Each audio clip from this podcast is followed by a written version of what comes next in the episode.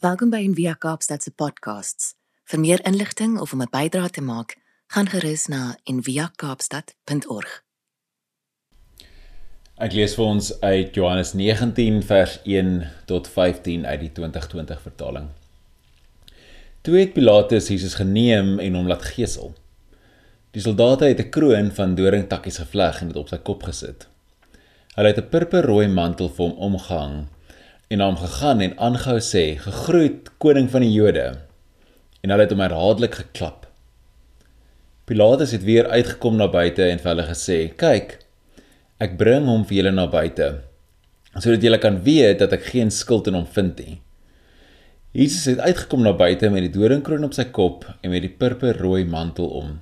Pilatus sê te vir hulle: "Kyk, die mens." Toe die leierpriesters en die tempelwagte hom sien, het hulle geskreeu: "Kruisig, kruisig!"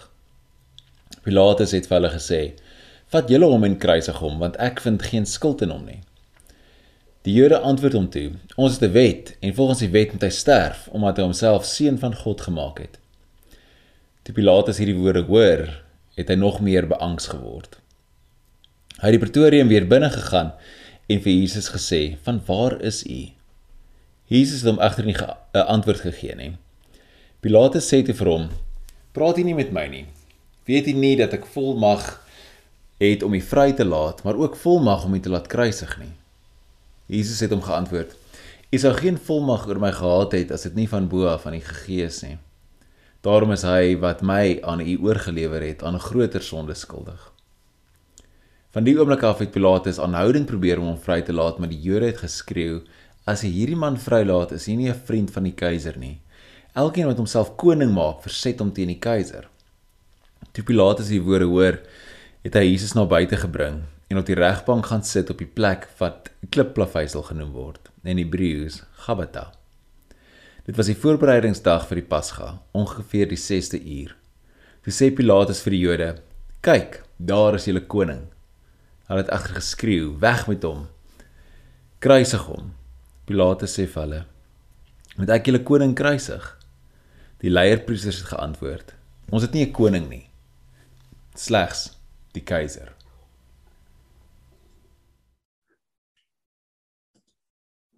God is dood. God is steeds dood en dit is ons wat hom dood gemaak het. Hoe sal ons onsself troos? Die moordenaars bo alle moordenaars dit wat die heiligste en magtigste was van alles wat die wêreld nog ooit besit het, het ons die keel van afgesny.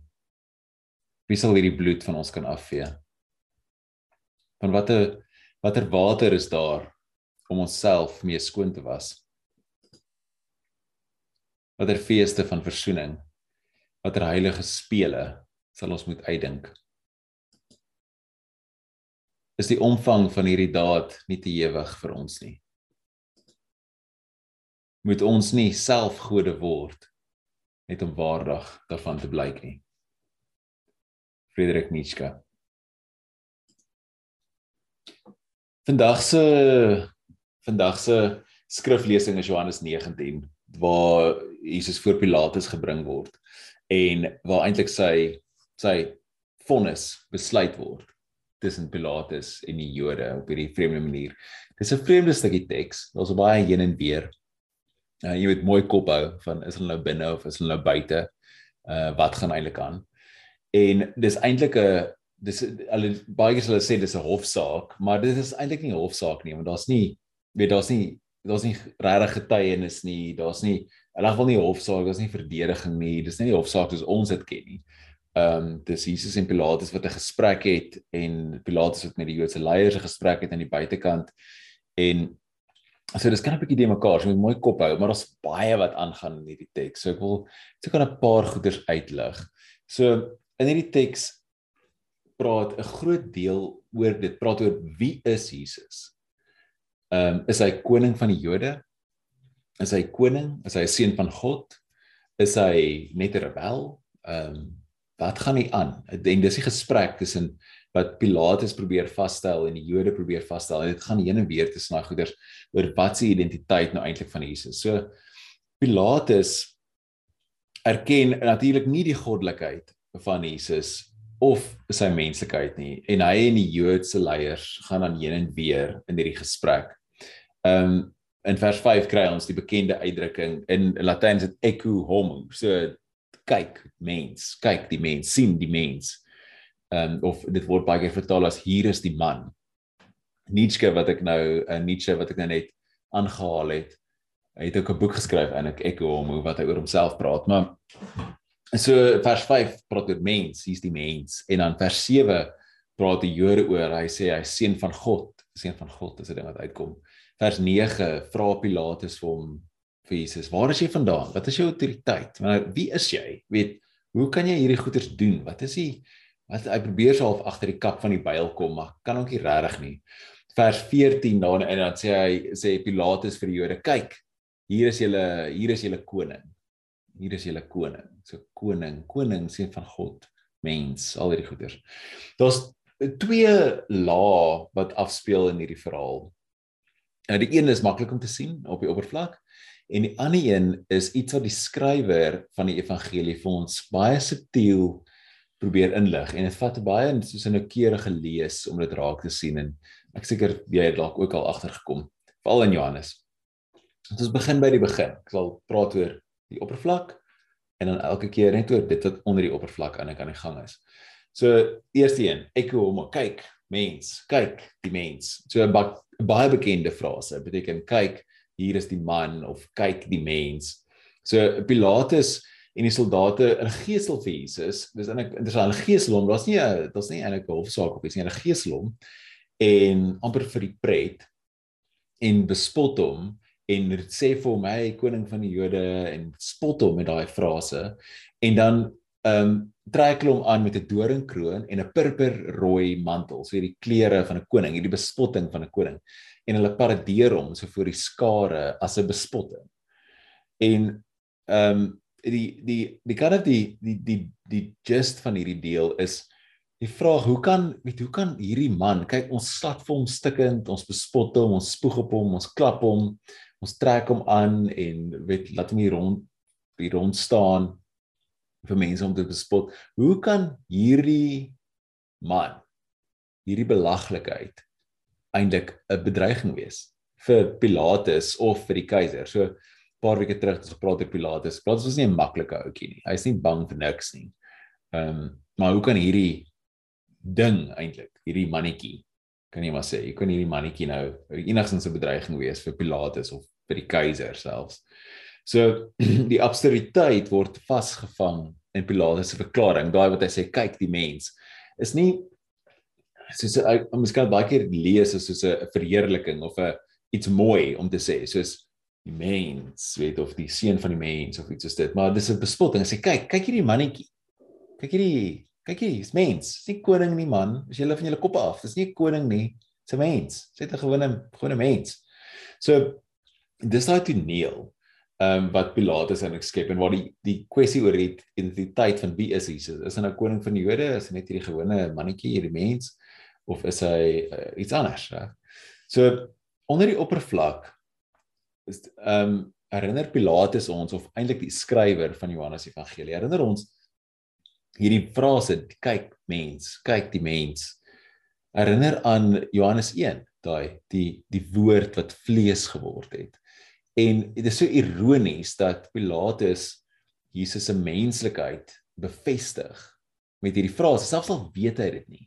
En dis wat so interessant is van hierdie hele hierdie hele hoofstuk of hele stuk is dat die heeltyd die waarheid word gesê, maar niemand bedoel dit nie of dalk daar's soos hierdie snaakse spanning.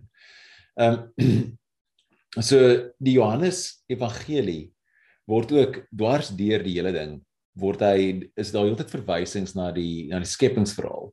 Uh soos die, Johannes 1 in die begin, reg? Uh Johannes 20 21 daai die eerste dag van die week, die idee van sewe tekens, die is konstant hierdie idee van skepping, nuwe skepping en ons baie sulke verwysings. En in hierdie hoofstuk, hoofstuk 19 is daar ook soos hierdie verwysings na die skepingsverhaal en spesifiek na Genesis 3, nie eintlik na Genesis 1 soos die res nie, maar Genesis 3. Daar waar die waar die waar die vloek oor die mens gekom het, die die sondeval, daai hoofstuk. Gewoonlik daai hoofstuk waar ons begin lees in die Bybel en ek moet ons begin by Genesis 1. Maar ons wil ons al by die sonde begin. So ehm um, so in hierdie gedeelte gewaar ons in ek hierdie is amper soos 'n omkeer van Genesis 3 of 'n gedeeltelike of gedeeltelike omkeer. Die vloek wat oor die skepping gekom het. Ehm um, so wanneer die Romeinse soldate die doringkroon doringkroon is belangrik doring die doringkroon op Jesus se kop sit dan herinner herinner dit aan die aan die vloek op die land. Dit is amper een ehm um, teoloog skryf dat sê dis is 'n landbou vloek, 'n agricultural vloek. Dat die die grond in Genesis 3 lees dit dat die grond, die land sal dorings voortbring wat jy dan moet uithaal en goeders. Ehm um, buite Eden, dis op buite Eden gebeur um, die idee dat die, die skepping is stikkend, dit het verval, daar's iets nie reg nie, reg? So en in hierdie gedeelte nou met Pilatus sien ons hoe Jesus letterlik die dorings op sy eie kop neem. So jy kry hierdie idee dat daar onder die oppervlak iets afspeel van 'n 'n omkeer van Genesis 3, iets van 'n terugkeer na die skepping toe, reg? En die een skrywer skryf hy sê die Messias se soeg begin waar Adam se saligheid opgehou het. So waar Adam die vloek ontmoet het, daar begin Jesus se soeg met die dorings, die doringkroon. Die tweede eienskap of identiteit of frase wat gebruik word om Jesus te beskryf in die deel is seun van God. Ons sê die Joodse leiers maak hierdie aanklag dat hy hom die seun van God genoem het, reg? En dit is hulle vers 7. Dis hulle eerste probeerslag om Jesus in die in die moeilikheid te probeer kry, om te kry dat Pilatus hom sal sal doodmaak. Nou natuurlik en dit werk nie. Dis wat so dit werk nie. Dis nie vir Pilatus genoeg nie want wat maak dit nou vir hom saak? Weet dit is hy's nie 'n Jood nie. Hy het nie al hierdie tempelspeletjies en hierdie goeders wat die mense dit maak niks aan hom saak nie. Hoekom gee hy om oor dit, reg? So die Jode probeer dis is hulle eerste kan 'n probeer slag alhoewel Jesus nooit regtig homself het genoem het nie, dis kan 'n bietjie vaag. Ehm um, maar dis hulle probeer dat die Jode gebruik dit as 'n as 'n aanslag vir die Joodse leiers ten minste.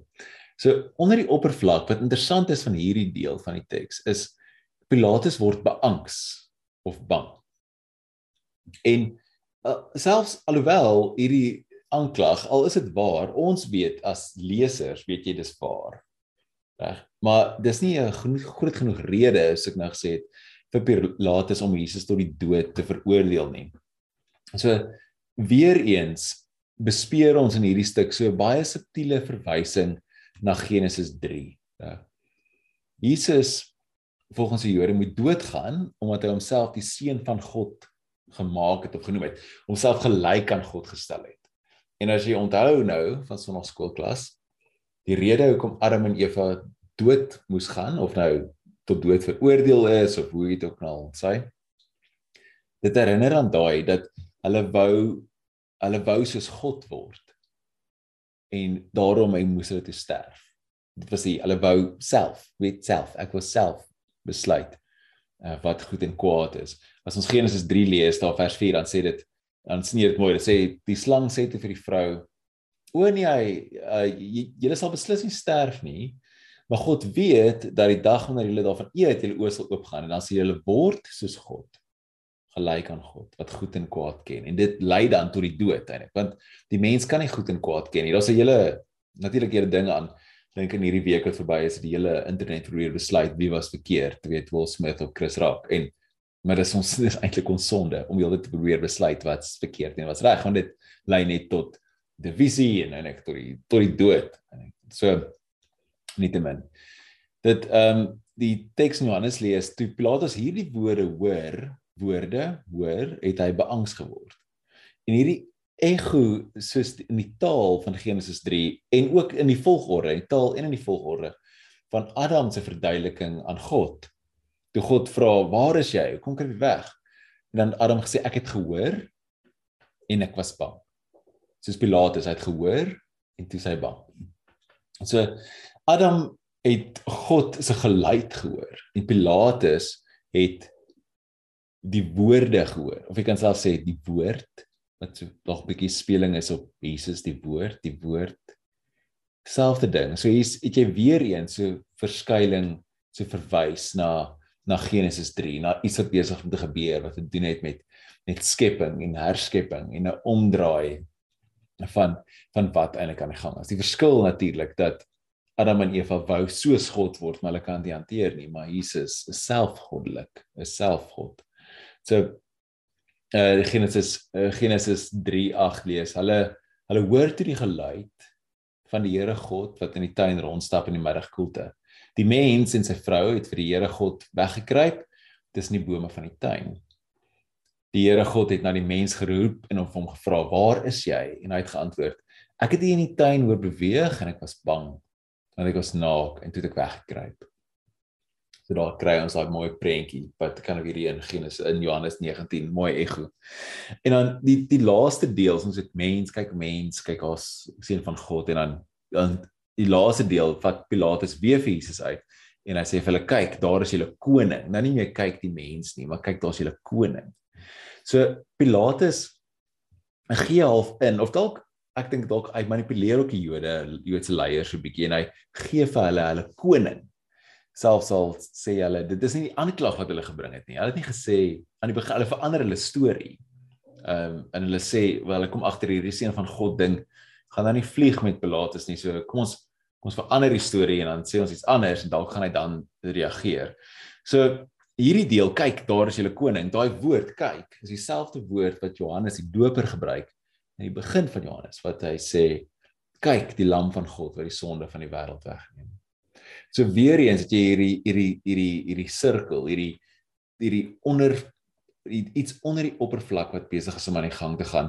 En hierbo is Pilatus en die Joodse leiers besig om te stry en te redekabel oor wat Jesus eintlik is en maar onder die oppervlak sien ons hierdie reddingsverhaal wat besig is om af te speel. Hierdie hierdie idee van 'n lam wat gaan geoffer word hierdie wat die sonde gaan wegvat van die wêreld, wat die skepping gaan herstel, wat iets nuuts begin bring um, daardie idee. So is 'n baie interessante tipe teks. So die Griekse woord u in Pilatus se mond, kyk, kyk, is dieselfde een, presies dieselfde woord wat Johannes die Doper gebruik.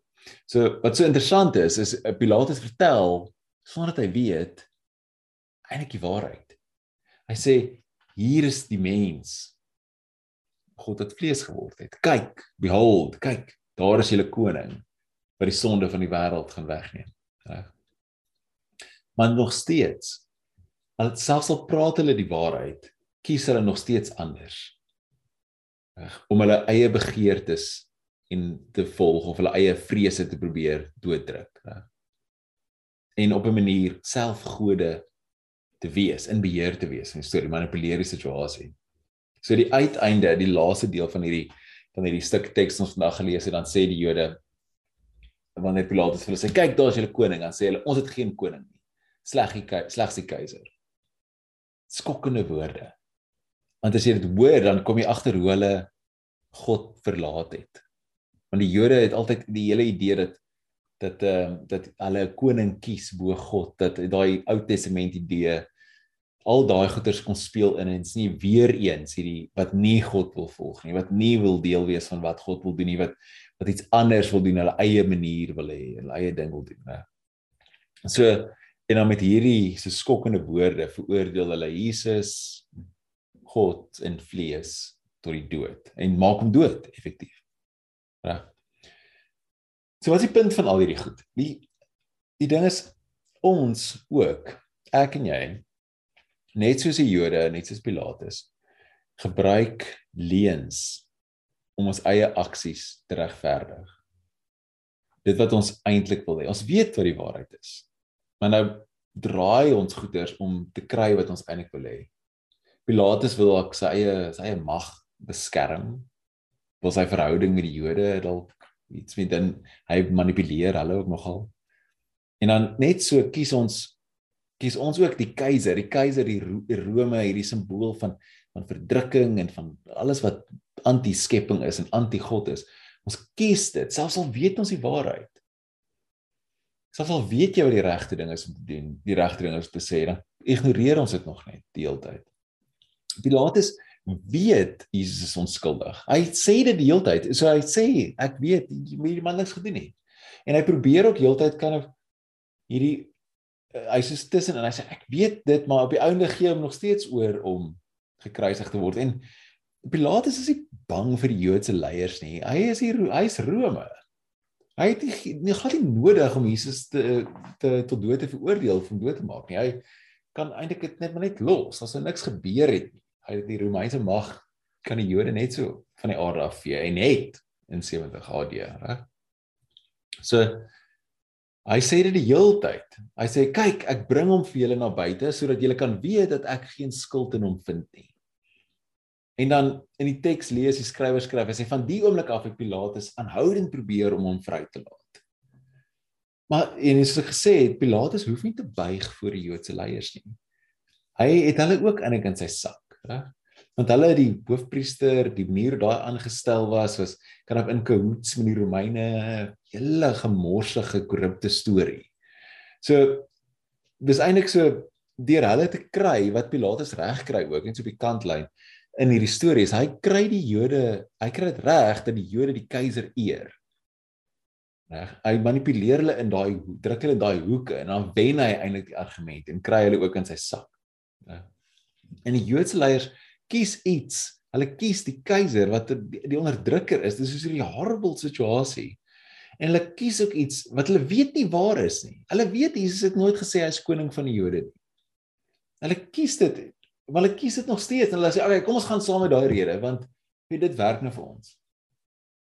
En eers, ek meen eers probeer hulle daai aanklag dat hy homself met God gelyk gemaak het en dan sien hulle, "Oké, okay, hoorie, maar dit werk nou nie." Dan verander hulle taktiek, maar hulle verander dit eintlik ek dink Pilatus manipuleer hulle kan in daai rigting en ook. Maar en hy ehm um, dan kla hom aan omdat hy homself gelyk gemaak het aan die keiser of self koning gemaak het of so. So en hoeveel keer, hoeveel keer in die geskiedenis het hierdie al gebeur? Dat ons weet wat die waarheid is. Um, as jy dink ons eie land se geskiedenis, ons eie jou eie geskiedenis, my eie geskiedenis, jy weet wat die regte ding is om te doen maar nog steeds kies jy om anders te glo. Jy jok so vir jouself dat jy later aan dit glo.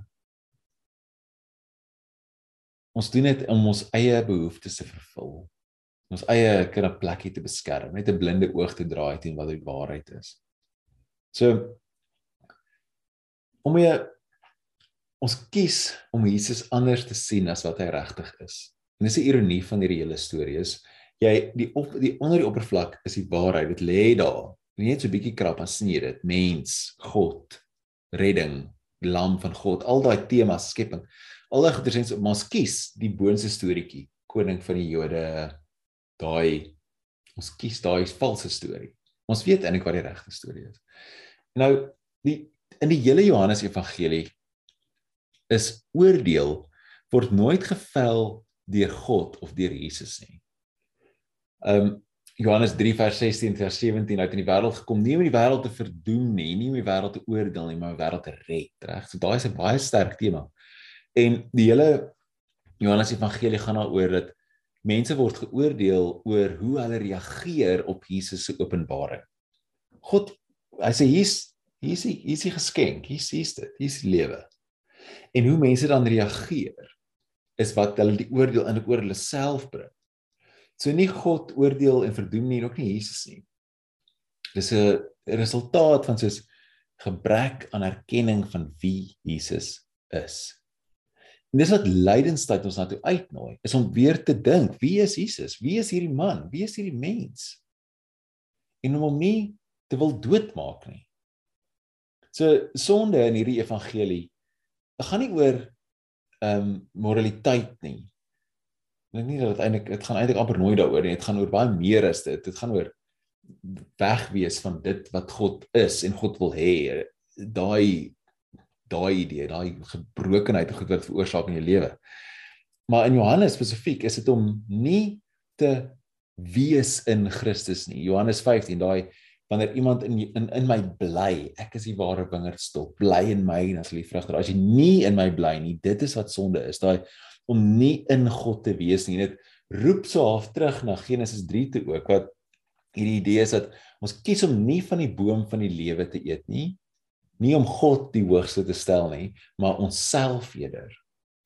en dit veroorsaak en dis wat sonde is dis dit, dit veroorsaak allerlei nonsens in ons lewens so sonde in die evangelie is om nie te te verpoos mooi woord te verpoos in Christus nie te bly nie te abide dis Engels. Maar dan draai jy die vrug daar's nog nie lewe nie. So en wanneer ons nie in kies om nie in God te bly nie het ons God doodgemaak. Catch is daardie plek waar wat God in ons lewens inneem kan nie leeg bly nie. As ons God doodmaak, dan word daai vervang met iets anders. En daai ding bepaal dan ons lewe. Of ons nou van hou of nie, ons kan almal vir mekaar vertel nie, maar ons niks daarbo nie of daar's net dit of net dat, maar iets anders kom in daai plek. En ek dink dis wat Nietzsche verstaan het dat hy gesê het nou moet ons self gode word want ons het die dit wat die mees heiligste was en die mees magtigste het ons keel afgesny. So die enigste oplossing hier vir ons om waardig te wees van daai daad is om self God te word. En ek en nie van jou nie. Maar ek is nie 'n goeie God nie. Verseker ook nie genadig nie. So die probleem ook met dit is is wanneer ons 'n ander god daarbo sit en ons dien die mens aanbid altyd iets.